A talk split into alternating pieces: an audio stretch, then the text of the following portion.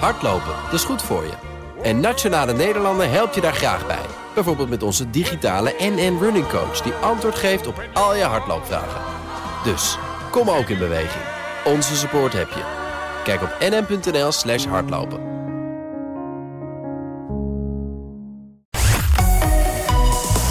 BNR Nieuwsradio. BNR breekt. Ivan Verrips. Goedemorgen en welkom bij BNR Breekt, de perfecte onderbreking van je werkdag. Vanaf half twaalf praat ik van de dag over eh, Nederlandse militairen... die de binnenstad van Kabul in zijn gegaan om mensen op te halen... voor hun evacuatievlucht. Is ook uh, gebeurd met een bus inmiddels. Gaan we het allemaal zo meteen over hebben. In het nieuws van de dag vanaf half twaalf. En over prikangst onder jongeren. Dan denk je, ach, stel je niet aan. Nou, dat is toch wel een serieus probleem. Vandaag in mijn panel André van Hout, voorzitter van de Jonge Socialisten. Goedemorgen, André. Een hele goede morgen. En Sharifa Zemouri, beleidsadviseur van DENK. En ze is gepromoveerd op infectieziekten. Fijn in deze tijd. Goedemorgen. Fijn dat je er bent. We beginnen met... BNR breekt. Breekijzer. Ons breekijzer is vandaag... de wetenschap heeft geen goed antwoord op corona-ontkenners. Uit uh, onderzoek van het AD blijkt dat ziekenhuizen door het hele land... worstelen met corona-ontkenners. En het gaat dan bijvoorbeeld om ernstig zieke patiënten... maar ook hun familieleden en naasten die beweren dat corona niet bestaat. En zorgverleners, ja, dat bemoeilijkt het in, in hun werk natuurlijk. Ze houden zich uh, niet of minder aan de maatregelen... willen geen mondkapjes dragen, willen geen afstand houden... willen zich niet laten testen. En überhaupt, ja, je zal maar op de IC liggen met corona... en zelf bedenken dat corona niet bestaat. Ingewikkeld. Het schetst ook een lastig dilemma. Zorg moet verleend worden aan deze mensen. Maar ja, hoe ga je daarmee om als patiënten ontkennen... iets te hebben wat ze wellicht wel hebben? Ons breekijzer dus. De wetenschap heeft geen goed antwoord op corona-ontkenners. Hoe denk jij erover? Uh, moeten we meer ons best doen om die mensen te bereiken? Zijn, uh, is er ook een groepje mensen dat misschien een soort van verloren beschouwd moet worden. is niet heel aardig, maar wie weet. Zijn het wappies of niet? Um, wil je meepraten? Pak je telefoon en bel naar 020 468 4x0. 020 468 4x0. Dan uh, ga ik daarover praten met jou. 020 468 4x0. En ook met Marcel Verwij. Hij is hoogleraar filosofie bij de Wageningen University. Weet alles van ethiek van de volksgezondheid. Goedemorgen, Marcel. Goedemorgen. En ook intensivist en IC-arts Servant Duran is bij me van het Wilhelmina ziekenhuis in Assen. Goedemorgen. Goedemorgen. Nou, doen we eerst even een kort rondje over ons breekijzer. De wetenschap heeft geen goed antwoord op corona-ontkenners. Luisteraars kunnen dus meepraten door te bellen naar 020 468 4x0. Begin even naar Marcel. Um, de wetenschap heeft geen goed antwoord op corona-ontkenners. Wat vind jij? Nou ja, ik, ik zit me even af te vragen of het juist de wetenschap is die dat antwoord uh, moet hebben. Het dilemma wat speelt heeft denk ik ook vooral te maken met het dilemma in de, in de gezondheidszorg. En uh, uh, en, en, en, dus wat dat betreft moeten we het misschien ietsje verbreden dan de, de wetenschap alleen. Mm Oké. Okay. Maar als je hem verbreedt, hoe zie je het dan? Nou ja, dan denk ik dat uh, wij, wij, leven in samen, wij leven in een uh, pluralistische samenleving waar mensen niet wordt opgelegd wat ze moeten denken of wat ze moeten vinden. Hm. En uh, ja, dan krijg je soms best met allerlei lastige situaties te maken. en ehm, en eh, die, die dilemma's die wil ik helemaal niet gaan bagatelliseren. Hm. Ik denk dat het ook heel erg goed is om, uh, om je te realiseren dat dit gewoon ook onderdeel is van onze vrije samenleving, waarin we uh, ja, verschillende opvattingen respecteren. Ja. Maar natuurlijk is uh, keuzes die mensen maken uh, op basis van hun opvattingen, ja, die, hebben, die kunnen wel allerlei consequenties hebben. En ja, daar zullen zij zelf ook rekening mee moeten houden. Ja, okay, bijvoorbeeld aan het vaccinatiepaspoort. Ja, laten we daar even zo verder over praten. Um, Servat, uh, ik geloof dat jij in het ziekenhuis ook wel eens te maken hebt gehad met mensen die nou, corona ontkennen of in ieder geval niet erg vinden. Of, of ja, wat, wat is jouw ervaring? Nou, ik ben uh, intensivist in het Wilhelmina ziekenhuis. En uh, waar wij mee te maken hebben is de laatste periode dat met name de COVID-patiënten die binnenkomen, dat dat uh, ongevaccineerden zijn. Mm -hmm. En dat betreft een deel die net te laat is, zeg maar, met vaccinatie door allerlei dingen uitgesteld of wat dan ook. En, maar ook mensen die bewust hebben gekozen om niet gevaccineerd te willen worden, om wat voor reden dan ook. Mm -hmm. Kijk, wij zijn er natuurlijk voor om die patiënten te helpen. En uh, zij komen bij ons in een toestand dat ze echt uh, ernstig uh, kortademig en benauwd zijn en aan de beademing moeten. Dus echt het gesprek op dat moment met de patiënt zelf hebben wij niet van wat de keuze is geweest, et cetera. Maar het is met name de familie waar wij dan de informatie vandaan halen hoe het is gegaan en wat de keuzes zijn geweest om het niet te doen. Ja. Ja, het is een lastige situatie, met name voor die mensen. want door wat voor reden dan ook hebben zij het denkbeeld dat COVID niet bestaat of hen niet kan treffen of overkomen. Mhm. maar het tegengestelde is waar. COVID is gewoon een realiteit.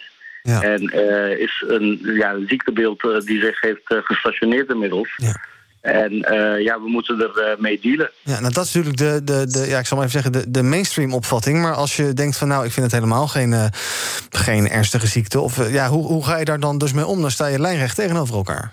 Nou, de ervaring leert dat op het moment dat mensen dus met een kuchje of een hoesje of wat neusverkoudheid de, de, de COVID voorbij gaan, zeg maar. Mhm. Die denken van ja, het is een griepje.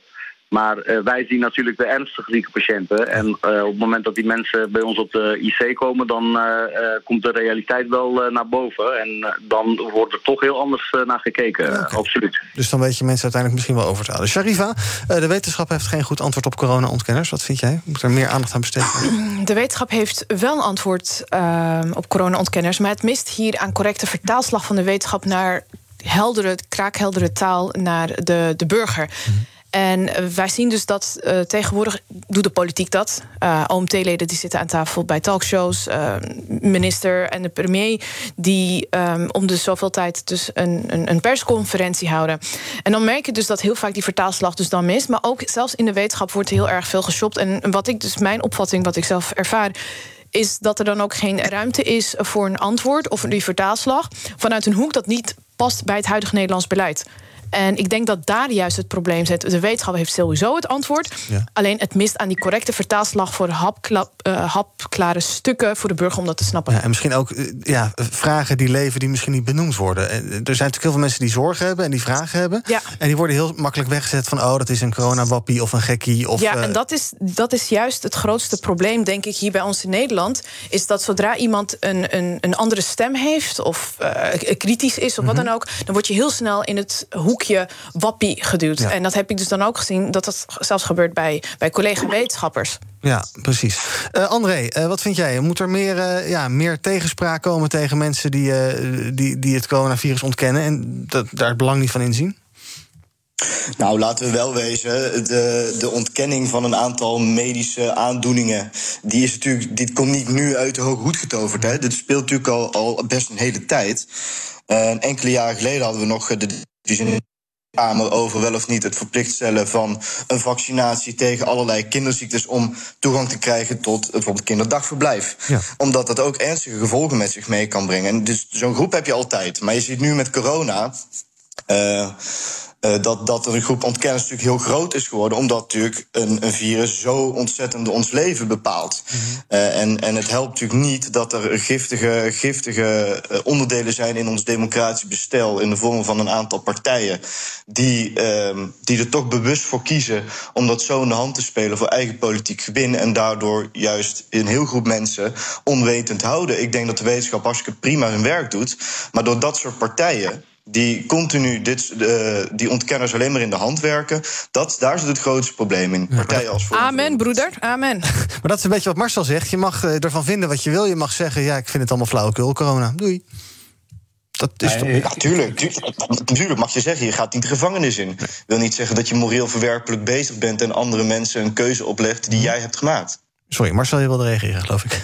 Ja, ja nee, natuurlijk mag je zeggen uh, wat je wil. Maar ook, ook dat heeft natuurlijk wel grenzen. Dus op het moment dat uh, je, ja, inderdaad, en dat sluit natuurlijk aan, natuurlijk wat, wat, uh, nou ja, wat, wat André zegt over sommige politieke partijen. Wanneer je in feite eigenlijk mensen ook vooral oproept. En niet alleen maar gewoon je, je mening zegt, maar vooral ook bezig bent om. Nou ja, om misinformatie te verspreiden. Ja. want in dat opzicht heeft natuurlijk, nou ja, zoals al eerder gezegd, wetenschap echt wel een heel goed antwoord. er is nou ja, eh, over heel veel zaken is geen wetenschappelijke consensus. Maar als het gaat om de vraag van of er zoiets als een coronavirus bestaat, is denk dat je weinig wetenschappers kan vinden die, die dat zouden kunnen ontkennen. Dus dat, dat, die wetenschap staat hier heel sterk. Ik ga zo even naar de bellers toe. eerst nog een hele korte vraag, Marcel. Althans, misschien is dat wel ingewikkelder dan een hele korte vraag. Maar kan je schetsen waar het ontkennen van het coronavirus vandaan komt? Is daar iets over te zeggen? Zijn dat mensen die ja, de overheid of de wetenschap of de medische wetenschap überhaupt niet geloven? Want ja, die zitten dus ook al anderhalf jaar in dezelfde pandemie als ik, maar, maar die geloven daar niet. Dat moet natuurlijk vreselijk zijn als je in een realiteit zit waar je eigenlijk niet in gelooft. Ja, um, nou, ik.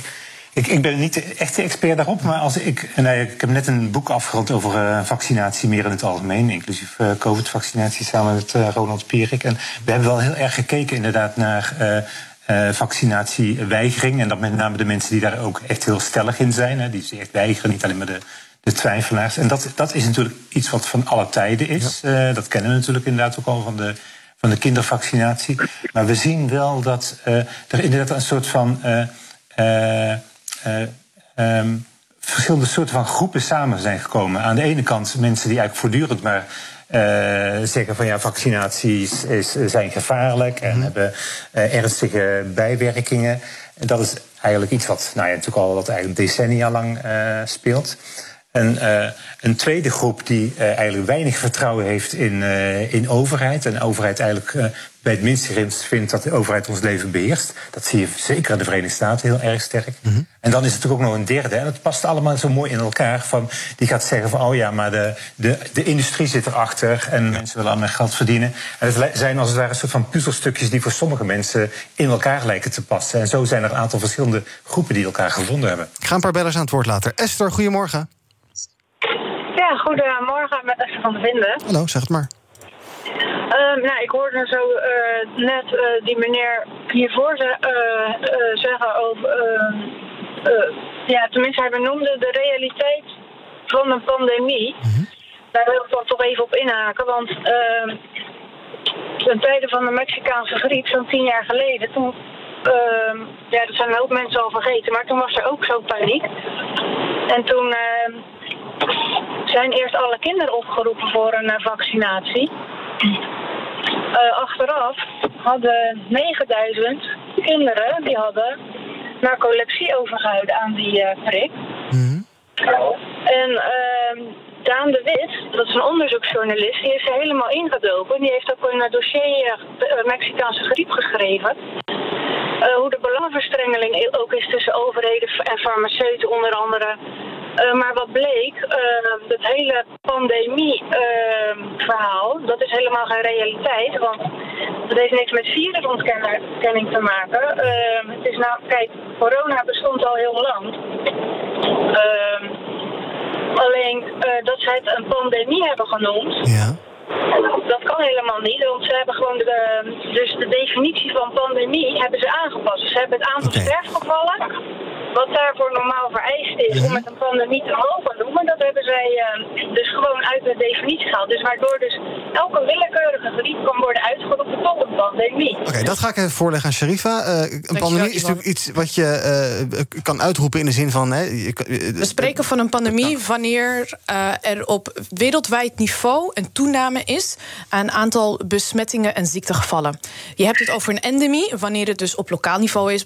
een, een epidemie, wanneer het bijvoorbeeld op lokaal niveau is in één land. Bijvoorbeeld dan heb je weer een, een, epidemie aan malaria, laten we zeggen in Malawi. Maar het moment dat het zich dus dan uitspreidt over de hele wereld, dan spreek ik van een pandemie. Wat de mevrouw hier net zegt voor de luisteraar is incorrect. Er zijn uh, sterke definities wanneer iets een pandemie wordt. Als jullie daar meer over willen weten, google daar nou even. Uh, want in de epidemiologie is dat heel helder. Mm -hmm. Pandemie is wanneer er een toename is wereldwijd aan besmettingen van één van dezelfde ziekte. En er is niet zoiets als dat de definities van een pandemie recent zijn aangepast? Of iets nee, en wat mevrouw net ook heeft gezegd over dat het met sterfte en ziekenhuisopname te maken heeft, dat klopt niet, want het heeft te maken met aantal besmettingen. Oké, uh, duidelijk. Um, uh, uh, ik had nog een vraag ook voor Servat. Um, ja, hoe, hoe, ga je hier als, als hulpverlener mee om? In, in welke zorgen of vraagtekens of twijfels die deze mensen hebben, kan jij je wel verplaatsen?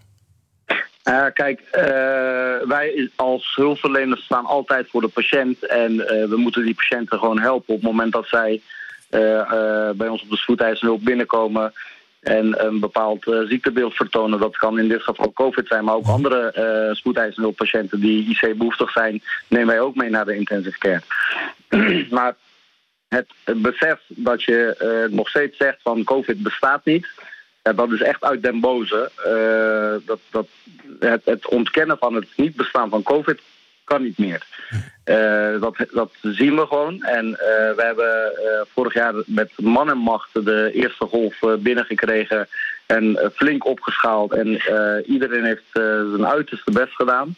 Maar je ziet ook dat naarmate de tijd verstrijkt, dat ook in het zorgsysteem zelf mensen ook zieker worden, burn-out verschijnselen krijgen, moeheidsverschijnselen vertonen. Dus, uh, en dat is ook de reden waarom we eigenlijk uh, afgelopen mei bijna tegen het zwarte scenario aan uh, kwamen tekenen. Op dat moment was er genoeg apparatuur, genoeg medicatie, genoeg hulpmiddelen. Maar uh, zorg aan bed, met name dus uh, gespecialiseerde IC-verpleegkundigen, uh, dat ontbrak. Ja. En vandaar dat we ook bijna draaiden in een zwart scenario. Ja. Ik kan me voorstellen als mensen dan zeggen... COVID bestaat niet, dat dat ook een, ja, een klap in jouw gezicht is. En in het gezicht van al die epidemiologen, virologen die ermee bezig zijn... maar inderdaad ook al die IC-artsen, verpleegkundigen, intensivisten zoals jij. Nou, het is uh, wat mij betreft heel helder. Als COVID niet bestaat, wat behandel ik dan op een intensive care? En wat behandelen wij in al die ziekenhuizen? Wat ben je vredesnaam aan doen dan? Wat, wat, voor ziektebeeld zijn wij op dat moment aan het behandelen? COVID bestaat. Zo klip en klaar is het. En het is een onderdeel van de wereldwijde samenleving geworden. Het is net als andere ziekten, als hart- en vaatziekten, als uh, uh, kanker, als andere infecties. Het heeft zich nu op dit moment gestationeerd en het is gewoon een ziektebeeld die op dit moment nog steeds onder ons is. Oké, ik, ga, ik zie veel bellers, dus ik ga wat bellers aan het woord laten. En uh, gelieve uh, kort te reageren, dan kunnen we veel mensen laten horen. Jan, goedemorgen. Ja, goedemorgen. Zeg het maar. Ja, ik vind de discussie vind ik eigenlijk een beetje raar. Het is een beetje zwart-wit. Maar we hebben het nu over uh, corona-ontkenners en dingen. Er zijn heel veel mensen die corona wel erkennen, maar de maatregelen niet, niet fijn vinden. Er zijn 1500 artsen in Nederland en meer die, die worden van, van overal van geweerd omdat die de waarheid willen vertellen wat de gevaren zijn voor mensen die besmet zijn met mensen die gevaccineerd worden. Dat wordt gewoon weggezet als, als wappies. En die worden, de bank wordt ontnomen. En er zijn heel veel mensen die gewoon we weten dat corona bestaat. Ik weet ook dat corona bestaat. Maar er moet gewoon eerlijkheid over gedaan worden. En wat die schoolmeester de jongen dan zegt, dan, die zegt allerlei dingen in de Kamer wat niet onderbouwd is. En degene die, die dingen die hij zegt van nee, dat is niet waar. Of de vragen die gesteld worden aan hem, die zegt hij altijd als je geen antwoord weet, zei van ja, dat is niet onderbouwd, is niet onderbouwd. Maar hetgene wat hij zegt is niet onderbouwd. Terwijl er heel veel medici zijn die het wel kunnen onderbouwen, die willen niet te woord staan. Dank. Stefan, goedemorgen. Uh, goedemorgen. Zeg het maar. Ik wil graag een, een, vraag inbrengen. Hoeveel procent van de mensen die nou op de IC liggen met COVID... heeft daarbij onderliggende uh, problemen qua gezondheid? Als die mensen ongevaccineerd zijn, is het, uh, dus, en je hebt al een slechte gezondheid... Mm-hmm. dan is het bijzonder kwalijk dat je niet gevaccineerd bent. aannemende dat de vaccinatie werkt. Kijk, als jij een hele goede gezondheid hebt... en je hebt COVID als een normaal griepje dan is het niet zo kwalijk als jij je niet laat vaccineren. Want jij komt toch niet, je, je produceert toch geen overlast op bij de ziekenhuizen. Maar als jij een slechte gezondheid hebt, dan is het veel kwalijker. Dus nu is de vraag, hoeveel procent van die mensen heeft sowieso een slechte gezondheid? Nou, dat ga ik even voor gaan Servet. Nou ja, kijk, het gaat niet uh, zozeer om de uh, percentage van uh, nee. de mensen die ongezond zijn. het gaat er met name om. Ik heb mensen gezien die hartstikke gezond van tevoren waren jonge mensen gezien, oude mensen gezien... en die toch COVID hebben gekregen en die op de intensive care aan de baan nu zijn beland. Ik heb ook uiteraard mensen gezien die ook andere ziektebeelden van tevoren hadden... en wat opviel tijdens uh, de, de uh, hele COVID-periode... dat mensen die overgewicht hadden, dat mensen die uh, suikerziekte hadden... maar ook bijvoorbeeld mannelijk geslacht wat vaker voorkwam op de intensive care die er lagen. Maar om nu te zeggen van, joh, uh, gezonde mensen die uh, krijgen het alleen maar als een griepje en die komen er daarmee weg. Ja, dat is niet de juiste stelling, denk ik. Uh, ieder, iedereen kan het krijgen en iedereen kan, heeft een kans om op een intensive care te belanden op het moment dat hij COVID krijgt. Of hij nou van tevoren gezond is, jong is, oud is, et cetera. Ja, ja we, wat we hier hebben aanvullend op Servet is... we, we mengen causatie met correlatie. Dat is het probleem. Als je dus dan gaat zeggen van alleen maar mensen met overgewicht of mensen met onderliggende aandoeningen, die komen dus op de intensive care te liggen, dan heb je dus over causatie. Maar er is een correlatie, want zoals Servet net correct zegt, je hebt ook gewoon gezonde mensen die op de IC terechtkomen. En als een aanvulling op de beller, als je dan zegt van ja, maar mensen met een goede gezondheid, die hoeven eigenlijk het vaccin niet te nemen, dat is helaas ook zo'n drogreden. In de zin van iedereen zou, wanneer die wil, dat vaccin moeten nemen. Om ook dus die anderen te beschermen. Maar ook om dus dan te voorkomen dat je nog meer virusdeeltjes uitscheidt. Het is zo dat als je al immuunstoffen hebt aangemaakt in je lichaam. en je loopt dan nog steeds corona op, want je kan nog altijd besmet raken. Maar de kans dat je dan een infectie ontwikkelt is dan een stuk kleiner. Dus je zal dan nog steeds wel virusdeeltjes uitscheiden, maar veel lager. En op die manier verminder je dus het risico op verdere overdracht. En dan gaat ook dan die R omlaag. En dan maak je ook niet andere mensen ziek. Dus het gaat niet alleen om van ik kom niet in het ziekenhuis terecht, maar de mensen om je heen kan kunnen dat dus wel terechtkomen. Dus je helpt toch ook jezelf en ook de anderen mee. Exact. Ehm, Mag ik nog wat, wat eh, zeggen dat daarbij? mag maar zelf Eh, zeker. Ik, ik, ik ben het er helemaal mee eens wat eh Sharifa zegt.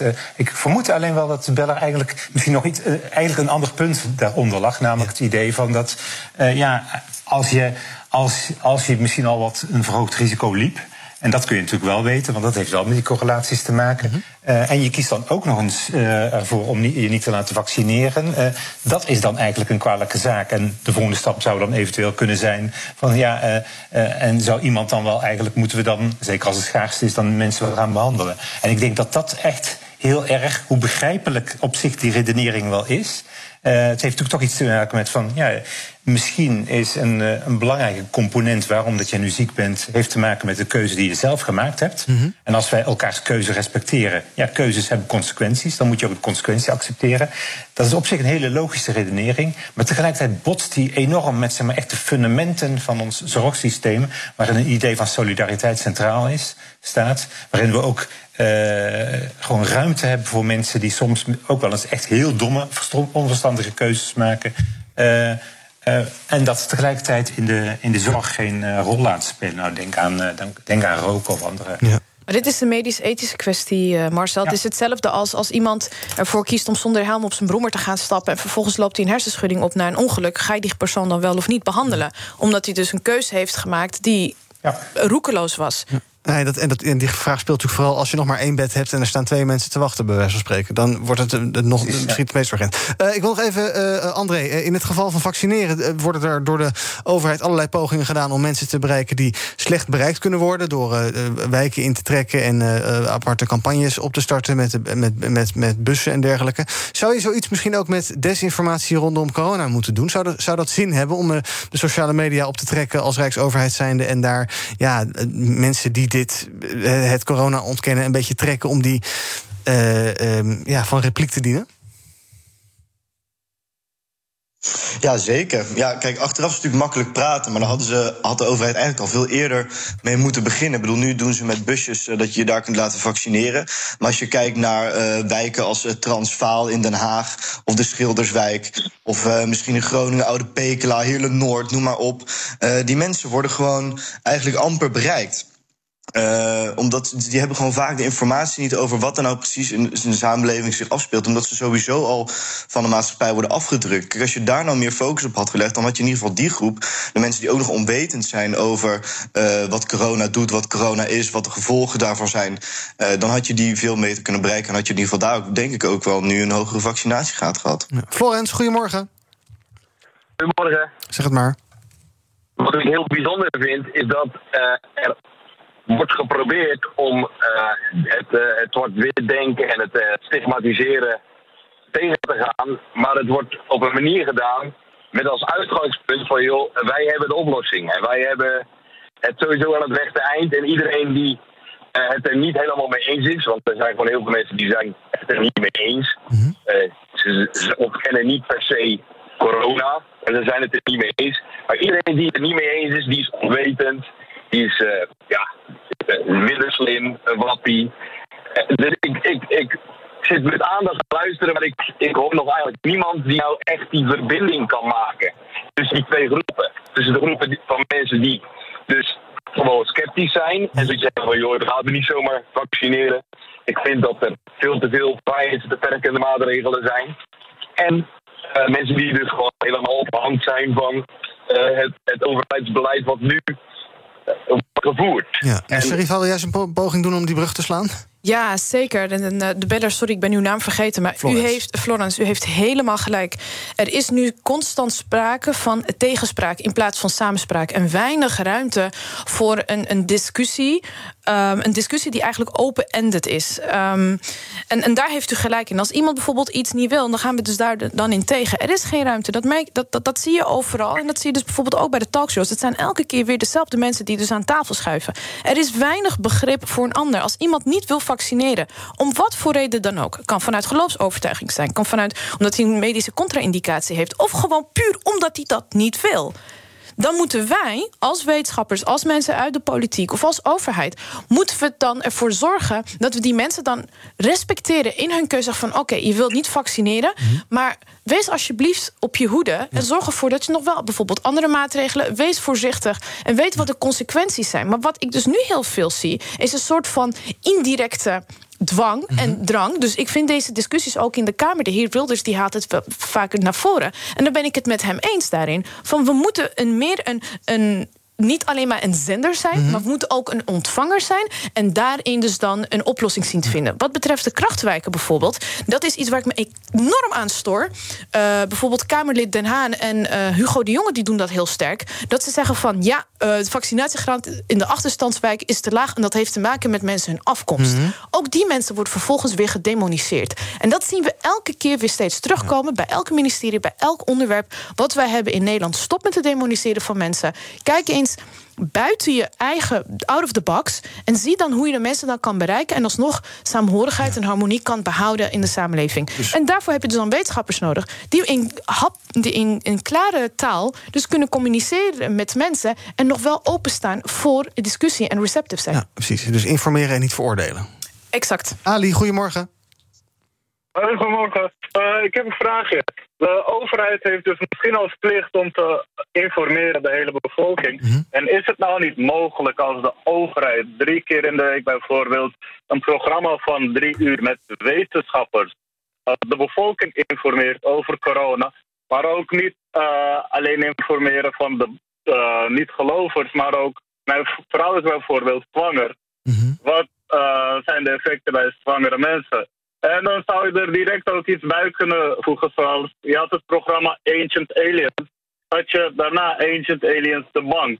Dan kan je ook direct de niet-gelovers vertellen waar zij fout zitten. Marcel, zou het een idee zijn dat eh, inderdaad... eh, we hadden in het begin van de coronapandemie... dus van die NOS-programma's Ja, die van dan... een eh, feit of waar. Feit of fabel of iets ja, feit dergelijks? of fabel. Op een gegeven moment is hij er. eh, Dus ermee gestopt. Ja. Is, zou het goed zijn om, ja, ga je mensen bereiken die, eh, die corona ontkennen met dit soort programma's? Ja, ik denk dat dat precies het punt is. Ik, ik, op zich, eh, informatie vind ik sowieso natuurlijk heel erg goed. We moeten heel erg kijken. Nou, er sowieso- ge- sowieso gebeurt er natuurlijk ook wel echt wel heel erg veel. Maar misschien had het nog veel beter gecoördineerd kunnen worden. Dat is één punt. Eh, maar ik denk inderdaad dat de, de, de groep waar het eigenlijk, waar de stelling over ging, hè, de echte corona-ontkenners, dat het eh, twijfelachtig is of je die nou echt bereikt. Nou ja, dat zal misschien een heel klein deel zijn die zich hiermee laat overtuigen of die naar zo'n programma gaat. eh, eh, gaat kijken. Dus wat, wat echt vooral nodig is, is de focus leggen op die mensen die niet zozeer gewoon een totaal ander wereldbeeld hebben, want die ga je toch niet overtuigen. Duidelijk. Maar, maar mensen die ja, allerlei zorgen hebben en die, voor, die, voor wie het misschien ook veel lastiger is om, om bijvoorbeeld die vaccinatie te krijgen. Eh, bijvoorbeeld omdat, eh, nou ja, dat eh, heel vaak heeft, heeft dat te maken met, gewoon, met je omgeving, met sociaal-economische omstandigheden. Daar moeten denk ik, nou daar kun je niet genoeg, er gebeurt heel veel, maar daar kun je denk ik niet genoeg aandacht aan geven. Servet, tot slot. Ge- eh, zie- voorzie jij nog allerlei medisch-ethische kwesties in je eigen praktijk? Ja, mensen die misschien niet behandeld willen worden, die niet geloven dat ze ziek zijn, of, of, of loopt het nooit zo'n vaart uiteindelijk? Nou ja, kijk, op het moment dat iemand in het ziekenhuis komt, dan heeft hij een bepaalde reden waarom hij in het ziekenhuis komt. Dat is een hulpvraag. En eh, kijk, als jij de keuze van tevoren maakt om bepaalde behandelingen niet in te gaan, dan zoek je ook geen ziekenhuis op. Maar eh, kennelijk op het moment dat je het ziektebeeld krijgt, en dan gaat het niet eens om COVID, en wat voor ziektebeeld dan ook, en je klopt aan bij een ziekenhuis op de spoedeisende hulp, dan vraag je eigenlijk om hulp. Ja. En nou, die hulp bieden wij dan ook. Eh, dus eh, wat dat betreft eh, denk ik dat de, de, mensen die dus op dit moment niet gevaccineerd zijn, die, dat, daar- daarin maak ik een onderscheid tussen ontkenners en twijfelaars. Eh, ja, ik, ik raad hun ten strengste aan eh, om alsnog een vaccin te nemen. Want eh, wij zien nu op dit moment op de intensive care alleen maar mensen die dus, eh, tenminste dan sp- spreek ik voor mijn eigen intensive care, die niet gevaccineerd zijn. Dus dat is wel de realiteit waarin wij ons nu eh, bevinden. En eh, ik zou eh, ten strengste aanbevelen om eh, eh, een eh, vaccin te eh, nemen. En wat betreft een discussie eh, op landelijk of eh, medianiveau. Ik denk dat het misschien ook wel verstandig is om eens een keertje een discussiepanel op te zetten. Waarbij mensen COVID hebben gehad in de eerste, tweede of derde golf. Versus de mensen die COVID hebben gehad zonder dat ze gevaccineerd eh, eh, zijn.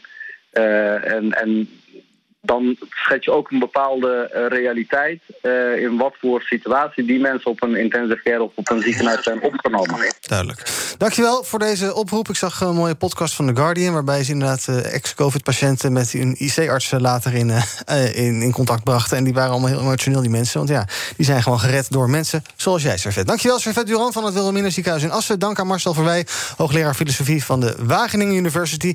Ik ben volledig uit de tijd gelopen. We kunnen bijna gewoon nu zaken doen, maar dat gaan we toch nog niet doen. We gaan zo meteen nog eventjes eh, het eh, nieuws van de dag bespreken... in het tweede deel van BNR Breek. Tot zo. Hardlopen, dat is goed voor je. En Nationale Nederlanden helpt je daar graag bij. Bijvoorbeeld met onze digitale NN Running Coach... die antwoord geeft op al je hardloopvragen. Dus, kom ook in beweging.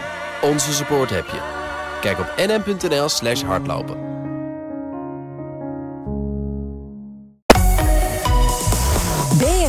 Nieuwsradio. BNR breekt. Ivan Verrips. Welkom bij het tweede deel van BNR Breekt. In mijn panel vandaag André van Hout, voorzitter van de Jonge Socialisten... en Sharif Ezamouri, zij is beleidsadviseur van DENK... en infectieziektenkenner. En wij praten over het nieuws van de dag. Te beginnen met eh, Afghanistan. Eh, we weten dat Nederlandse militairen in Kabul bezig zijn... om Nederlanders en Afghanen die Nederland hebben geholpen... bij de missies in het land te evacueren. Maar het is nog maar de vraag of het lukt om iedereen eh, weg te krijgen... voordat de Amerikanen zich op 31 augustus gaan terugtrekken. Dat gaan ze ook doen. Eh, de Taliban hebben gezegd... nou, wij zijn niet meer akkoord dat jullie langer blijven. Dus jullie moeten maar weg. En dat heeft allerlei gevolgen. Namelijk dat de Belgen zeggen dat ze mogelijk ehm, eh, hun laatste vluchten gaan uitvoeren daar. Hun operatie daar staken om Belgen terug te halen. Dat de Fransen eh, zeggen dat ze mogelijk morgen al klaar zijn met hun eh, evacuatieoperatie. En dat Duitsland meldt de ARD vandaag wellicht als een laatste evacuatievluchten vanuit Kabul gaat uitvoeren. Ondertussen zijn dus Nederlandse militairen Kabul ingeweest met een bus om daar mensen op te halen en naar de luchthaven te brengen. Er zijn allerlei ontwikkelingen op dat gebied. Ehm, president Biden die heeft gisteren een persconferentie gehouden na een G7-overleg. Die wil zich aan die 31 augustus deadline houden. Hield nog wel een kleine slag om de arm. Each day of operations brings added risk to our troops.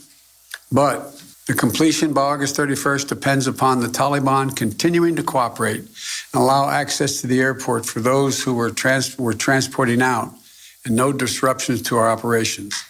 In addition, I've asked the Pentagon and the State Department for contingency plans to adjust the timetable should that become necessary. Ja, een soort noodplan dus. André, eh, ja, ja, het is een beetje raar om te zeggen... maar het leek eigenlijk wel een soort van... eh, nou ja, het ging niet goed in Afghanistan, maar eh, er werden mensen geëvacueerd. Die luchtbruggen kwamen op gang. Het zag er naar uit dat mensen die weg wilden misschien ook wel weg konden. Dat beeld is nu eigenlijk in een uurtje of twaalf totaal weer veranderd.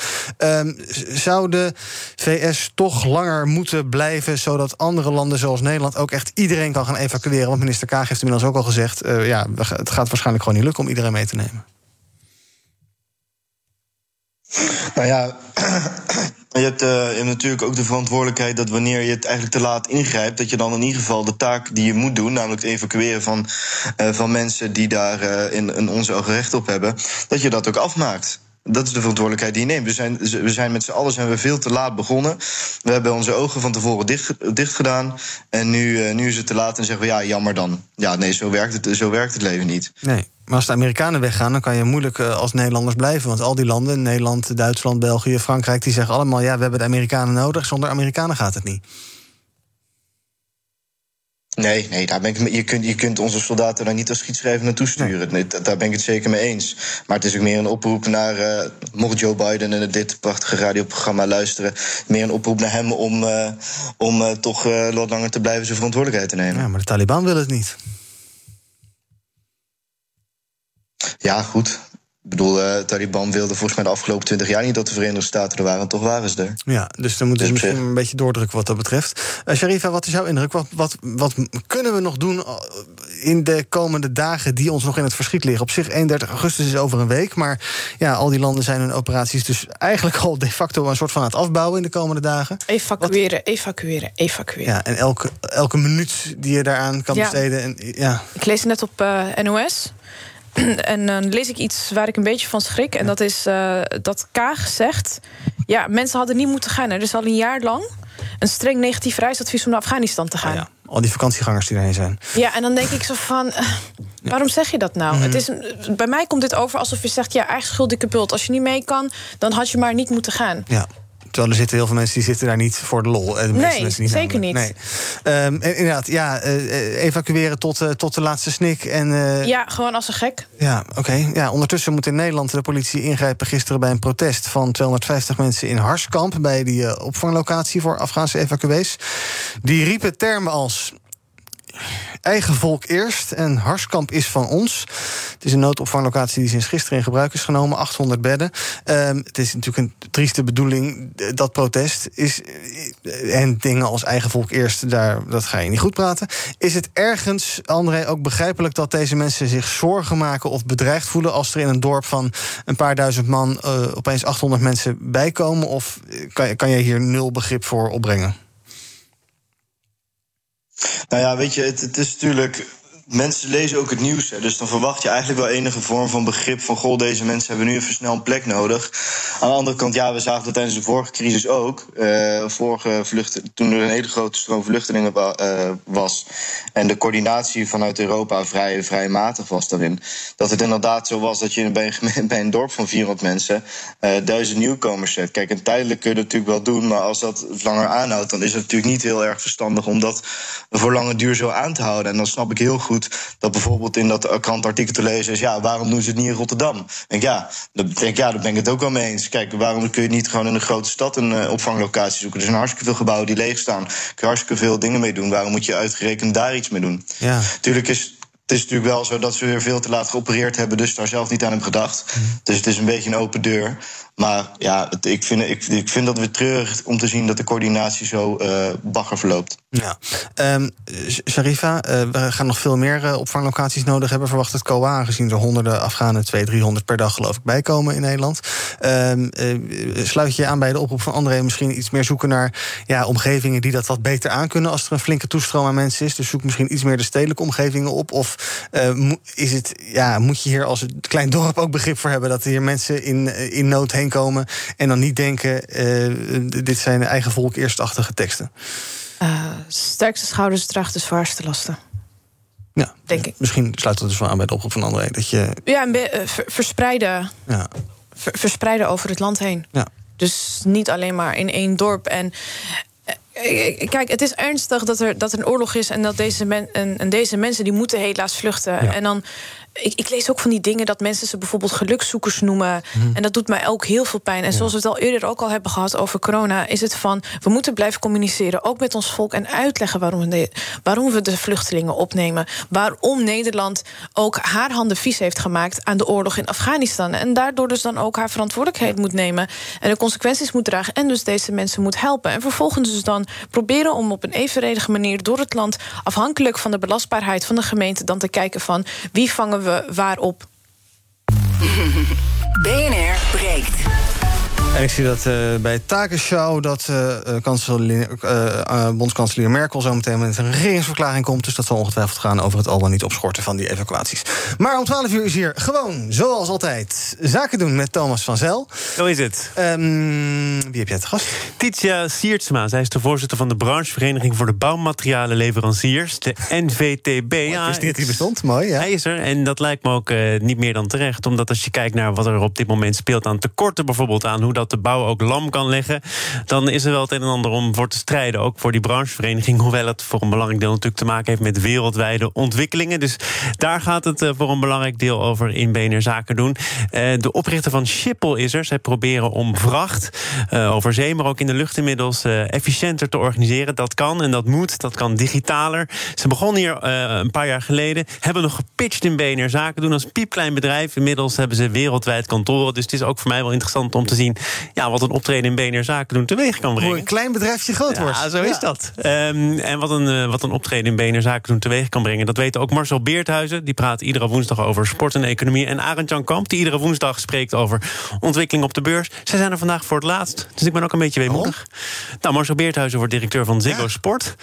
En Arend Jan Kamp heeft zo'n drukke agenda... dat hij hier altijd vrolijk binnenstapt. Maar uh, het is moeilijk te combineren met wat hij allemaal... Hij is zaken doen ontgroeid. Dat bestaat bijna niet. of ik moet er heel erg na gaan denken over mijn eigen carrière. Uh, Oké. Okay. Alright, um, je hebt nog 7,5 minuten om dat te doen ongeveer. Thomas van Zel met Zaken doen zometeen om 12 uur. BNR breekt. We gaan kijken wat uh, jullie op is gevallen in het eigen nieuws. Uh, althans, Sharifa, jij had een artikel van uh, The Guardian. We gaan toch nog weer een beetje corona doen. Ja, het is een beetje eentonig. Het is Afghanistan en corona, maar we ontkomen daar niet aan. Over ivermectine. Ja. Daar hebben we het geloof ik al eens eerder over gehad in deze uitzending. Ja, ja, dat is een vermeend coronamedicijn. Zeg ik er maar even bij. Het is een antivormenmiddel. En de FDA die tweette afgelopen week... You are not a cow, you are not a horse. Don't take the medicine. En ik vond dat geniaal. Ja, want er zijn... Er zijn de FDA is de, de ja, medische agentschap van de VS. Precies. Maar ik bedoel meer, er zijn allerlei mensen die denken... dat dit inderdaad ook zou werken tegen, tegen corona. Ja, dat klopt. En wat, wat we dus wereldwijd zien is een trend... dat voornamelijk vanuit rechts komt... dat ivermectine dus als medicijn, als anti-coronamedicijn... Mm dus wordt doorgepusht.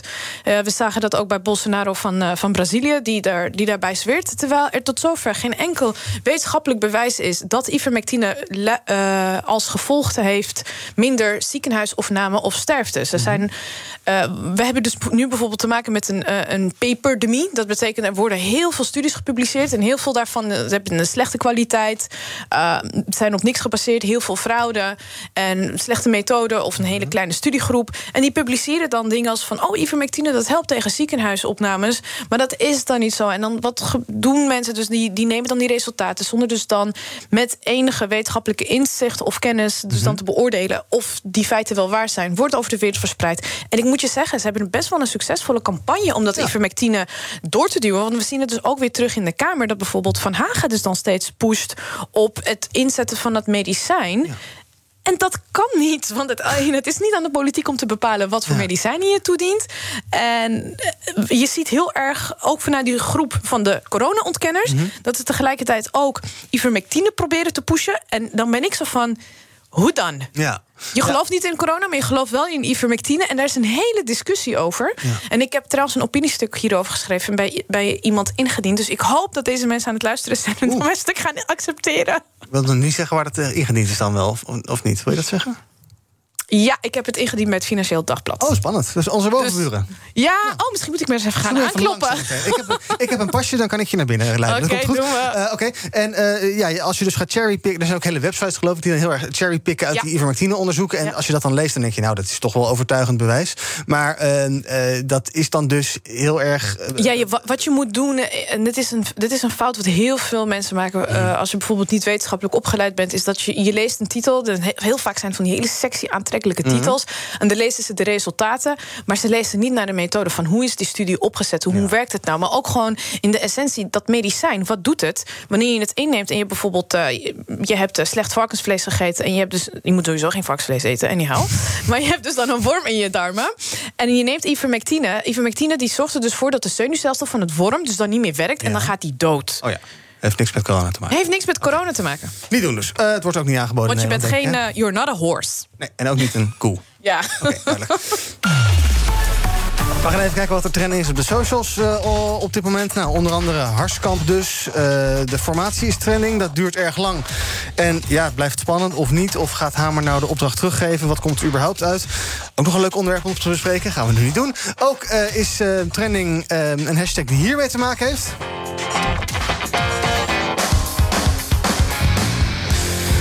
Nirvana, want de blote baby op de albumhoes van Nevermind... Daar gaat het over. De Baby is nu 30 jaar ouder... en die heeft nu uh, Nirvana aangeklaagd vanwege die albumhoes. Die man die beweert dat die afbeelding van 1991 kinderporno is... dat hij nooit toestemming heeft gegeven voor die foto. En uh, zijn voogden trouwens ook niet. En hij wil nu 150.000 dollar van Nirvana. Tot slot van deze uitzending uh, moeten we het nog even kort hebben over uh, prikangst. Dat is een uh, verhaal uit het AD, geloof ik, vanochtend. GGD's die maken zich zorgen over het grote aantal jongeren... dat zich nog niet heeft laten vaccineren. En dat is omdat zij bang zijn om geprikt te worden. Daarom worden er op priklocaties nu extra begeleiding aangeboden. jongeren hebben vaker last van prikangst dan volwassenen. Vallen ook wel eens flauw na zo'n prik. En Frederik Noorderlof is medisch adviseur vaccineren bij GGD Goor. De koepel van de GGD's die heeft daar deze verklaring voor. Iedereen heeft een bepaalde mate van controlebehoeften. En uh, dat, dat, dat zie je dat ook vaak samenhangt met prikangst uh, in algemene zin. Uh, ja, hè, je wil weten wat er gebeurt. En um, ja, die, die controlebehoefte die is eigenlijk gemiddeld wel groter bij jongeren. Ja, André, ik weet niet hoe, je, hoe heb jij je prikken ondergaan? Zat je rillend en zwetend bij de GGD in de wachtrij... of is het allemaal peanuts voor jou? Nou, grotendeels wel peanuts. Maar ik weet van mezelf dat, uh, dat bijvoorbeeld. Uh, ik, twee jaar geleden heb ik aan het infuus uh, gezeten. En oh. toen was ik wel flink oud gegaan. Mm -hmm. Dus toen dacht ik van ja, ik ga voor de zekerheid wel gewoon even zitten en zo. En rustig aan doen. maar je moet toch jezelf ertoe zetten om dat te doen. Mijn vriendin heeft daarentegen wel heel veel prikangst. Mm -hmm. Heel groot. En uiteindelijk met, samen met hulp van haar vader hebben we er zover gekregen om wel gewoon te gaan. Ja. En ja, goed, er was er niet altijd wel iemand bij en dan mocht ze gewoon liggen. Dus het was vanuit de GGD echt een grote complimenten naar hen toe. Dat het zo, uh, zo goed geregeld is, dat ze zoveel begeleiding daarvoor hebben. Ja, wat heeft haar dan overgehaald om het wel te doen, denk je? Is dat inderdaad dat je er. Nou, ze, ze, ja? Nou, ze wilden het wel doen. Ik bedoel, ze wilden heel graag dat vaccin. Uh, en op een gegeven moment was de grap, want er was er een keer een, een artikel in. Ik, God, ik weet niet meer welke krant. Uh, maar dat er dan op de Universiteit Delft onderzoek werd gedaan naar een, een soort laserprik. Ja, ja. Waardoor je dus geen naald in je arm hoeft te doen. Maar dat er dus met een laser een injectie van, het, van, het, van, van die vaccinatie in, je, in je arm kan worden gezet. Dus op een gegeven moment was de grap dat ze vooral daarop wilden wachten. En dan kon ze eindelijk het vaccin nemen. maar uiteindelijk, ja, het belang van het vaccin prevaleerde toch boven de eigen angst. Ja, als je deskundige infectieziekte bent, dan kan je denk ik geen prikangst hebben, of wel? Ik heb prikangst. Ja, ja, ja. ja. Vooral bijvoorbeeld als ik bloed moet gaan afnemen. Oh, ja. Ik heb een keertje in het ziekenhuis moest ik me laten testen op hepatitis B voor mijn werk. Mm -hmm. Ik heb letterlijk een tafel omvergeschopt. Oh. Zo ernstig vind ik prikken. Ja. Maar ja, dan zet ik mijn, uh, mijn cognitief denken zet ik dan over mijn gevoel heen. Mm -hmm. En ik communiceer het. Dus toen ik mijn prik ging halen, heb ik ook gezegd: Mevrouw, ik heb prikangst. Ik vind het verschrikkelijk. Ik vind het vervelend. Ik heb niet van die hele dikke armen. Dus alsjeblieft, zorg voor dat je de spier goed pakt. Ja. En praat tegen me. Vertel me wat ja. over wat je afgelopen weekend hebt gedaan. Ja. Leid me af. Leid me af en prik me dan. Schaam maar... je ervoor? Nee. Okay. Nee, ik denk dat heel veel mensen denken van... Ik vind het eigenlijk doodeng, maar ik durf het niet te zeggen... want ja, ik moet toch een beetje een vent of een, of een meid zijn... en een beetje stoer zijn. Nee, maar plus je bent ook een beetje afgeschermd... en je zit tegenover een, een, een zorgverlener... en die heeft al heel wat gezien en meegemaakt. Maar ik leg het dan uit. Natuurlijk, ik, ik ga dan met klotsende oksels dan vervolgens weer weg. Maar dan heb ik het wel gehad. Ja. Nee, ik, ik, ik vind prikken echt heel vervelend. Ja, maar wel goed dus dat de GGD's daar uh, ja, ontzettend veel aandacht aan besteden. En dat mensen ja. die, uh, die, die daar moeite mee hebben... dat daar lang mee gepraat wordt. Dat je misschien met een echte arts zit... in plaats van met een verpleegkundige die hem toedient. Dat je bijvoorbeeld, maar ook bijvoorbeeld innovatie over die laserprik. Ik wist niet dat dat bestond. Als dat zou bestaan... Er wordt gewerkt, geloof ik. Ja. Nou, ik zoals ik al eerder zei... Staat nog, nee. Het bestaat nog niet hoor. Dit is volgens mij nog echt toch in de beginfase. En ja, moet nog ook maar uitwijzen. Ja, maar dat soort dingen zouden we dus dan in moeten investeren om, om te helpen. Ik weet bijvoorbeeld dat wanneer ik bloed ga afnemen, dan zeg ik altijd: mag ik, een, mag ik zo'n vlindernaaldje? Dat is dan voor kinderen. Mm -hmm. En die doet dan wat minder pijn. Oh. Dus altijd kijken van uh, welke optie kunnen we nemen. Of kun je misschien een verdovende crème op je arm smeren, ja. zodat je hem wat minder voelt. Dus er zijn zoveel opties die we dus dan kunnen bekijken. Maar vraag dan wel, te, dat denk ik van, te, van tevoren aan mensen: heeft u prikangst, ja. ja of nee? En als ze zeggen ja, dan kun je dus dan middelen inzetten. Want ik denk dat heel veel mensen het niet uit zichzelf gaan zeggen van nee, ik heb prikangst. Precies, en praat erover dus. Alright, dank jullie wel. Uh, Sherin van Zamouri hoorde als laatste, beleidsadviseur van DENK. En uh, zoals je ook het eerste half uur hebt gehoord, ze weet heel veel van infectieziekten. En André van Hout, voorzitter van de Jonge Socialisten. Morgen ben ik er weer. En tot die tijd kan je ons volgen via de socials. Je weet het wel te vinden, YouTube, uh, Twitter, Instagram enzovoorts. En zometeen is Thomas vanzelf hier. Die presenteert Zaken doen. Tot morgen. Business Booster. Hey ondernemer, KPN heeft nu Business Boosters. Deals die jouw bedrijf echt vooruit helpen. Zoals nu, zakelijk tv en internet, inclusief narrowcasting... de eerste 9 maanden voor maar 30 euro per maand. Beleef het EK samen met je klanten in de hoogste kwaliteit. Kijk op kpn.com businessbooster. Business Booster.